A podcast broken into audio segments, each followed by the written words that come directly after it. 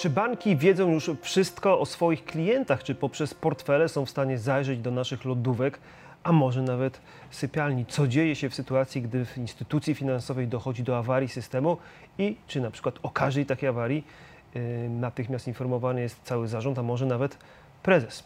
Mikołaj Kunica, jak co czwartek, zapraszam na program Biznes Mówi, a naszym gościem jest pan Brunon Bartkiewicz, prezes zarządu ING Banku Śląskiego. Dzień dobry, panie prezesie. Dzień dobry. To może zacznę od tych awarii, bo to jest chyba najciekawsze. W każdym systemie zdarzają się awarie. Sama ich natura polega na tym, że są nieprzewidywalne i mogą się pojawić i wszyscy się na nie lepiej bądź gorzej przygotowują. A co się dzieje, kiedy w tak dużej instytucji, jak instytucja finansowa, która ma kilka milionów różnego rodzaju klientów, interesariuszy i tak dalej, y, jakiś system zewnętrzny albo wewnętrzny przestaje działać? Zawiesza się, błąd się wkrada. E znaczy, ja wiem o tym w przeciągu 15 minut. Najpóźniej. Jeżeli jest to awaria większego charakteru, wiem o tym natychmiast.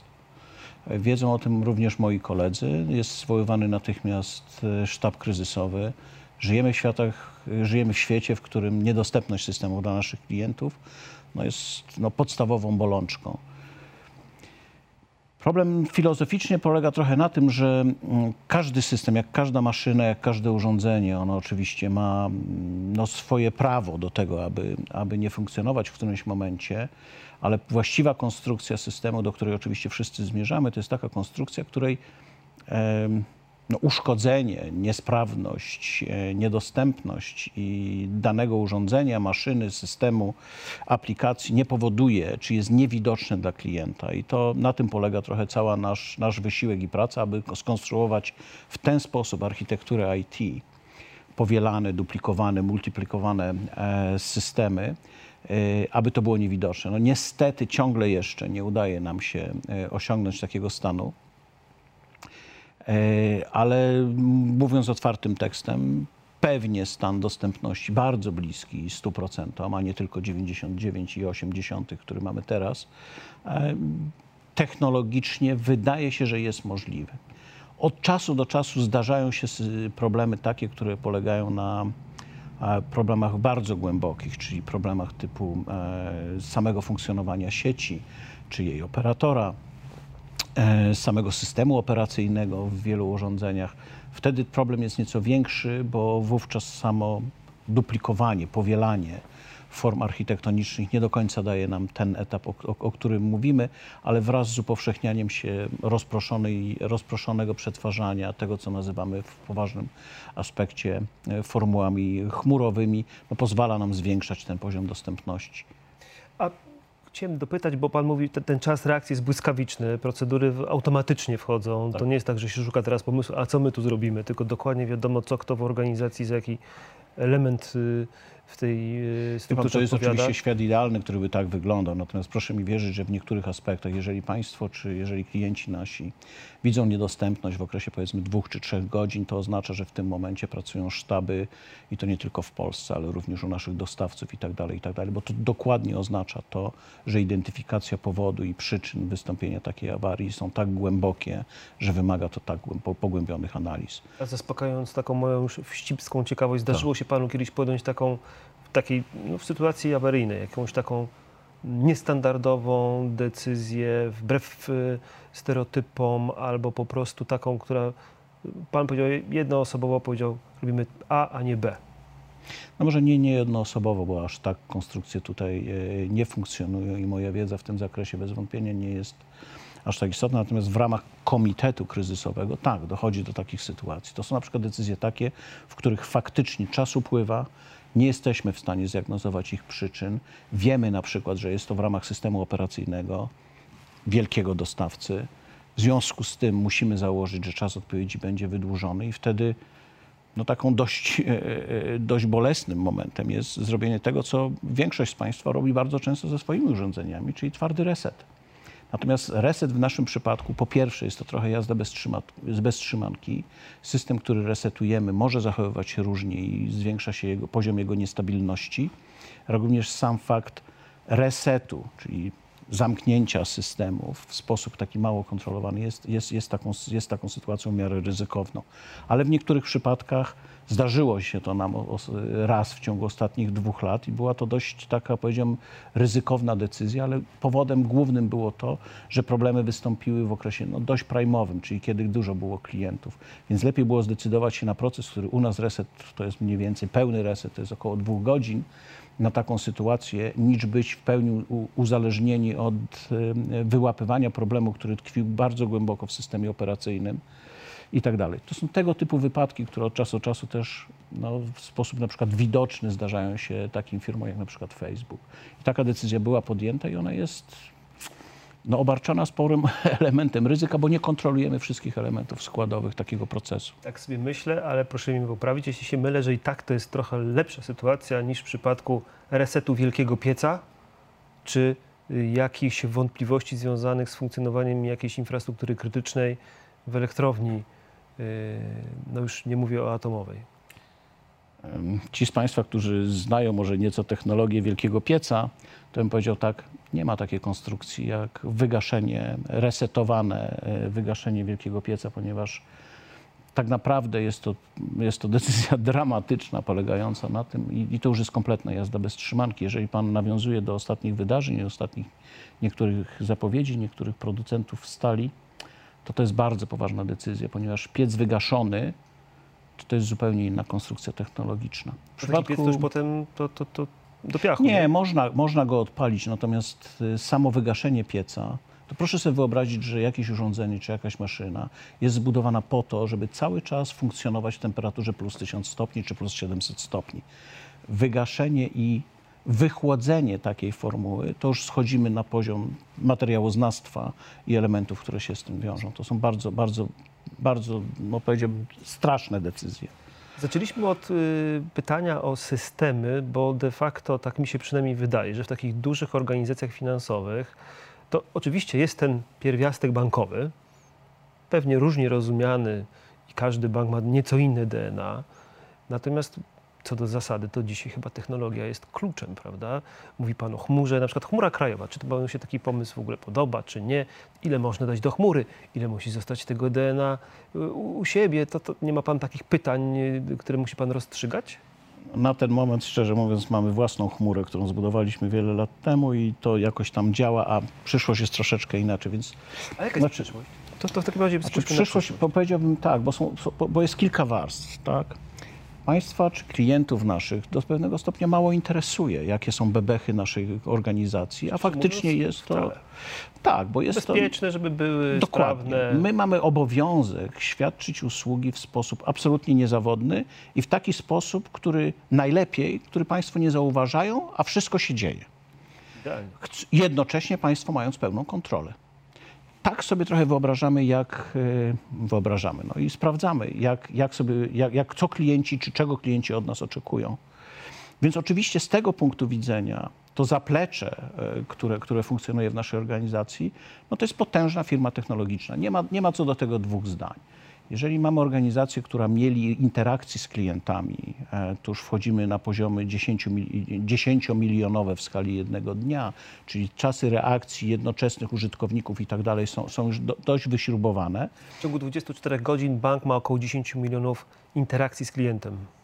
Tak myślę. Klientami, no, nie mo- jednym. my mierzymy w pewien sposób, ale tych interakcji jest cała masa. Tak? Możemy to przejść teraz na układ jednoczesnych użytkowników w ramach jednej sekundy, bo to oczywiście ten czas się nie rozkłada jednakowo w skali, e, e, w skali doby. Tak? Jest zupełnie in, inna liczba klientów użytkujących nasz system o 4 rano i w piku między godziną 9 a 11 I w Black Friday. wstępnym.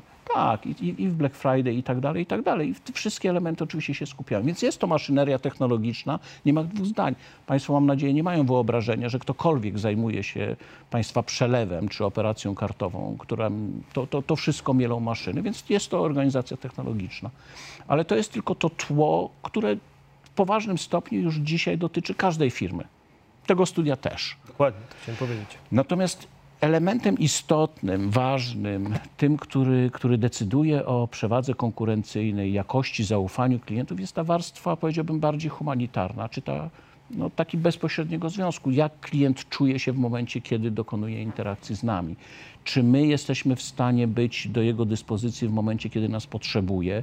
E, lub kiedy nie chce robić tego przez ekran komputera czy przez swój telefon, tylko chce na przykład z nami porozmawiać i do nas dojść. No to wszystkie elementy składowe. To dosyć kosztowny model. Mm, Wydaje mi się, że instytucje finansowe uciekają jak najwięcej operacji, starają się przenosić, tutaj słowo, które najczęściej pada w tym programie, muszę panu powiedzieć, przenieść z białka do krzemu. E, Wie pan, to znaczy, ja bym powiedział tak. Em, Ja się z tym głęboko nie zgadzam, ponieważ uważam, że nasze życie jest życiem społecznym, jesteśmy zwierzętami społecznymi. My nie jesteśmy potrzebni klientowi w znaczeniu ludzi, kiedy klient dokonuje operacji prostej. Natomiast w momencie, kiedy podejmuje e, decyzję, ważną decyzję, która ma jakieś tam tło finansowe, to wtedy dopiero my jesteśmy dla klienta potrzebni. I wyobrażam sobie, że w momencie, kiedy ktoś podejmuje ważną decyzję życiową o charakterze finansowym i podejmuje tę decyzję stosunkowo rzadko, to chciałby zaciągnąć opinii, czy mieć zaufanie do kogoś, kto mu w sposób obiektywny podpowie, jakie są elementy składowe i jakie są elementy, jak, jakie są konsekwencje podejmowania przez niego decyzji. I nie do końca sobie wyobrażam, żeby ten poziom interakcji e, mógł się odbywać em, z maszyną, e, ponieważ ten element wymaga jednak e, trochę in, innej formy komunikacyjnej.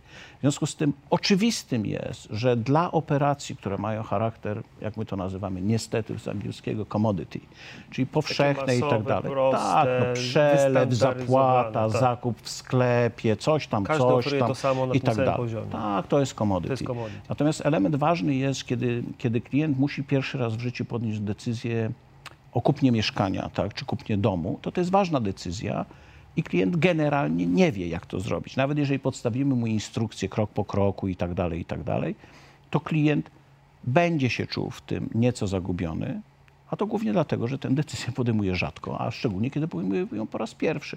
I w tym pan- momencie musi być element ludzki. Formuła białkowa to słowo aż mnie, aż mnie drażni, bo nie, my nie od tego jesteśmy. Jesteśmy ludźmi. W związku z tym raz technologia to jest coś, co sprawia, że my mamy więcej czasu na rozmowy z klientami. Nasze konstrukcje interakcji z klientami oczywiście są nastawione na to, że ta, ta rozmowa jest możliwa. Oczywiście skala naszej działalności, ta, ta rząd pięciomilionowa skala naszych klientów, ona sprawia, że klienci do nas przychodzą rzadko, żeby z nami porozmawiać. Tak? Czyli uwalniacie głowy i ręce, które były przy liczydłach i przesuwacie je do działów. Od dawna, od, od dziesiątek lat. To się wszystko dzieje. Znaczy zwracam uwagę, że jeżeli skala takiej organizacji jak nasza jest odpowiednio wypromowana, klient kontaktuje się z nami na przykład tak, raz na trzy lata, co oznacza, że w okresie trzech lat mamy 15 interakcji fizycznych. To jest naprawdę masa interakcji, które trzeba przeprowadzić, bo to jest wizyta, tak? To jest rozmowa, trzeba być do niej przygotowany, trzeba zasłużyć na zaufanie tego typu Ale klienta. powiedział pan, i tu trudno się nie zgodzić, że w takich trudnych, skomplikowanych, rzadko podejmowanych, raz, dwa razy w roku na przykład, Tak. w życiu, w cyklu życia, decyzjach, no to klient siłą rzeczy chce się spotkać z kimś, z, z obiektywnym doradcą. Tak, I na to, trze- To na ja to nie wiem, czy to zasłużyć. pokolenie nie, moich dzieci na przykład nie powie, Mhm. kiedy już będą korzystały z tego typu usług, że dla niego obiektywnym doradcą jest algorytm, bo jest algorytm, no to jest cóż bardziej obiektywnego. No, to my będziemy, to my jesteśmy fachowcami od algorytmów, mówiąc otwartym tekstem, tylko że nie sądzę, żeby sam algorytm był odpowiedzią na to pytanie, ponieważ na pewno będzie Siri, grupa czy ludzi. Doskonały y, Hello Google. Przecież to już się dzieje. Tylko, że na razie na prostszych, y, y, płytszych, mniej złożonych operacjach. No. No i dokładnie, kupić o, bilety i, do kina. I dokładnie o tym mówimy. To nie jest ważna decyzja życiowa, tak? Mhm. Podobnie jak nie jest ważną decyzją życiową, mm, z całym szacunkiem dla wszystkich, Jasne. tak? ale e, od kogo kupić OC? Natomiast ważną decyzją jest, jakie elementy składowe składają się na prawidłową decyzję o zakupie pierwszego domu. Okej. Y, 10 milionów interakcji tych właśnie zautomatyzowanych, Mhm. commodity, to jest potężna ilość danych, jaką klient zostawia w banku. Tak. Y, I ja jestem pewien, że banki mają już bardzo zaawansowane modele profilowania y, swoich klientów, kategoryzowania ich, y, wyliczania w związku z tym do profilu odpowiednich stopni ryzyka i tak dalej, i tak. Jak dużo bank o mnie wie? Gdybym miał konto u pana, jak dużo pan by o mnie wiedział? Bank dużo wie o panu potencjalnie. Potencjalnie, to znaczy jeszcze do tego musi dochodzić użyteczność i skuteczność wykorzystania tych danych, o których ja jest mam obowiązek pana poinformować. Ale pan wie na przykład, że jak często kupuję y, w sklepie X czy Y, ile razy w tygodniu chodzę na zakupy, a czy pan wie, co wkładam do koszyka, czy jeszcze nie? Na ten moment nie, ale bez wątpienia chciałbym wiedzieć.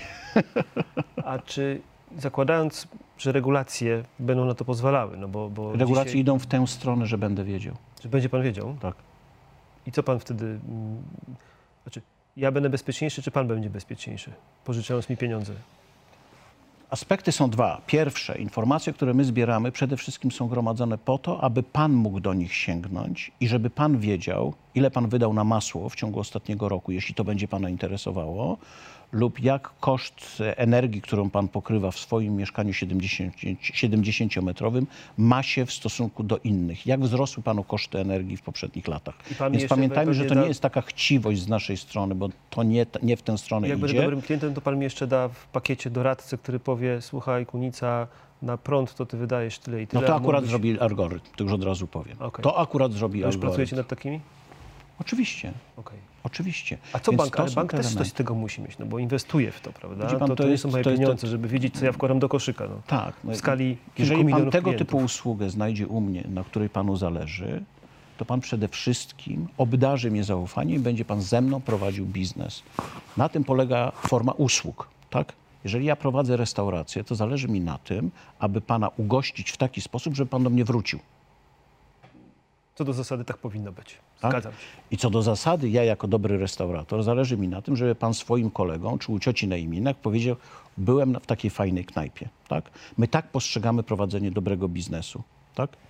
Więc ja nie do końca stwierdzam, że to jest taki prosty biznes, który czasem media pokazują, że my zbieramy dane do klientów, żeby wiedzieć o tym kliencie dużym i mu wcisnąć coś, czego nie chce. To nie ta droga, to nie ten biznes i to, i, i, i, to nie ta filozofia działania. Ale zakładając rzecz jasna y, taki scenariusz win-win dla klienta i dla instytucji, na przykład ING Banku Śląskiego, y, to można sobie pójść krok dalej. To znaczy do wiedzy, którą Pan na mój temat ma, dołączyć wiedzę, którą na mój temat Pan kupi od Facebooka. No bo on je, ma inny jeszcze obraz moich y, aktywności, jeśli jestem... Święte słowa. No i co? Chciałby Pan, y, my- myślicie, o, o bankowcy myślą o tym, czy Pan o tym myśli, żeby kupować takie tak dane wprost, zewnętrzne? Powiem panu wprost. My jesteśmy do zbierania tego typu informacji, trochę innym aspekcie, o który pan pyta, jesteśmy do tego zobligowani. Banki są również wysuniętym ramieniem, e, nazwijmy to, wymiaru sprawiedliwości. Także my poszukujemy ludzi, którzy e, wspierają działalności nielegalne, takie jak od wspierania terroryzmu, prania brudnych pieniędzy, wspierania handlu narkotykami i trafiku ludzkiego, Czy pan, aż pan po terroryzmem w ten sposób, tak? Znaczy jesteśmy do tego zobligowani przez prawo. To nie jest to, że my nawet to chcemy, choć powiem szczerze, etycznie bardzo mi to odpowiada, bo jesteśmy takim narzędziem i trudno wymyślić lepsze y, takie y, narzędzie w tym zakresie, ale prawo narzuca na nas tego typu obowiązki, narzuca na nas coraz, coraz więcej. I w ramach tego my jesteśmy zobligowani na przykład do weryfikowania ocen i informacji na temat danego podmiotu gospodarczego i pojedynczych osób, które zostały sprofilowane lub uznane za pod, o podwyższonym ryzyku. Jesteśmy zobligowani do wyszukiwania danych na temat tych podmiotów i osób. A czy pokusa ze strony aparatu państwa Tak. nie jest ryzykiem dla tego modelu? No bo wszystko fajnie, dopóki jest miło i przyjemnie, tak? Ale można sobie wyobrazić szalonego y, d- demiurga w jakimś ministerstwie ogromnym, który powie, potrzebuję wiedzieć wszystko, dawajcie mi te dane, y, będę wie, wiedział, czy ten człowiek jest patriotą, czy nie jest patriotą. Powiem tak, bo wchodzimy już na wysoki poziom uogólnienia. W momencie, kiedy e, reguły funkcjonowania danego państwa e, trafiają w ręce osób niepoczytalnych, czy bardzo złych, o bardzo złych intencjach, to jest mało coś, jest mało rzeczy, które mogą ochronić obywatela już dzisiaj, niezależnie od technologii, od tego schematu, tak? Mieliśmy przykłady historii, bardzo poważne działania tego typu ludzi, których, no nie wiem jak nazwać, żeby odpowiednio Ludzi złych. ocenić. Ludzi złych po prostu. Więc to jest ten element. Na ten moment zwracam Państwu uwagę, że to ryzyko jest bardziej elementem przesadnego mediowego przekazu, bo reguły prawne na dzień dzisiejszy, ja przynajmniej czuję się z nimi w miarę komfortowo, one chronią interesy poszczególnej osoby, natomiast w coraz większym stopniu mniej chronią interesy przestępców. I myślę, że w tę stronę będzie ten, ten element zmierzał, w którym momencie my jako społeczeństwa, czy, czy władze państwowe w tym zakresie, władze międzynarodowe, bo mnóstwo tych elementów ma przecież charakter umów międzynarodowych, bo jak wiemy, biznes, tym również biznes o, o, o charakterze nielegalnym, ma przecież wymiar globalny no to się po prostu toczy i troszeczkę się ścigamy w tym zakresie. Czy jesteśmy jeszcze po stronie całkowicie białych kapeluszy, czy gdzie niegdzie pojawiają się szare kapelusze i te dane mogą być przez kogoś w innym charakterze wykorzystywane? W poważnym stopniu nasza rola ogranicza się do e, zidentyfikowania takiego podejrzenia.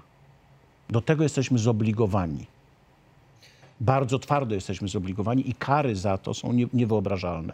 Natomiast już wykorzystanie tej informacji no, trochę jest poza nami.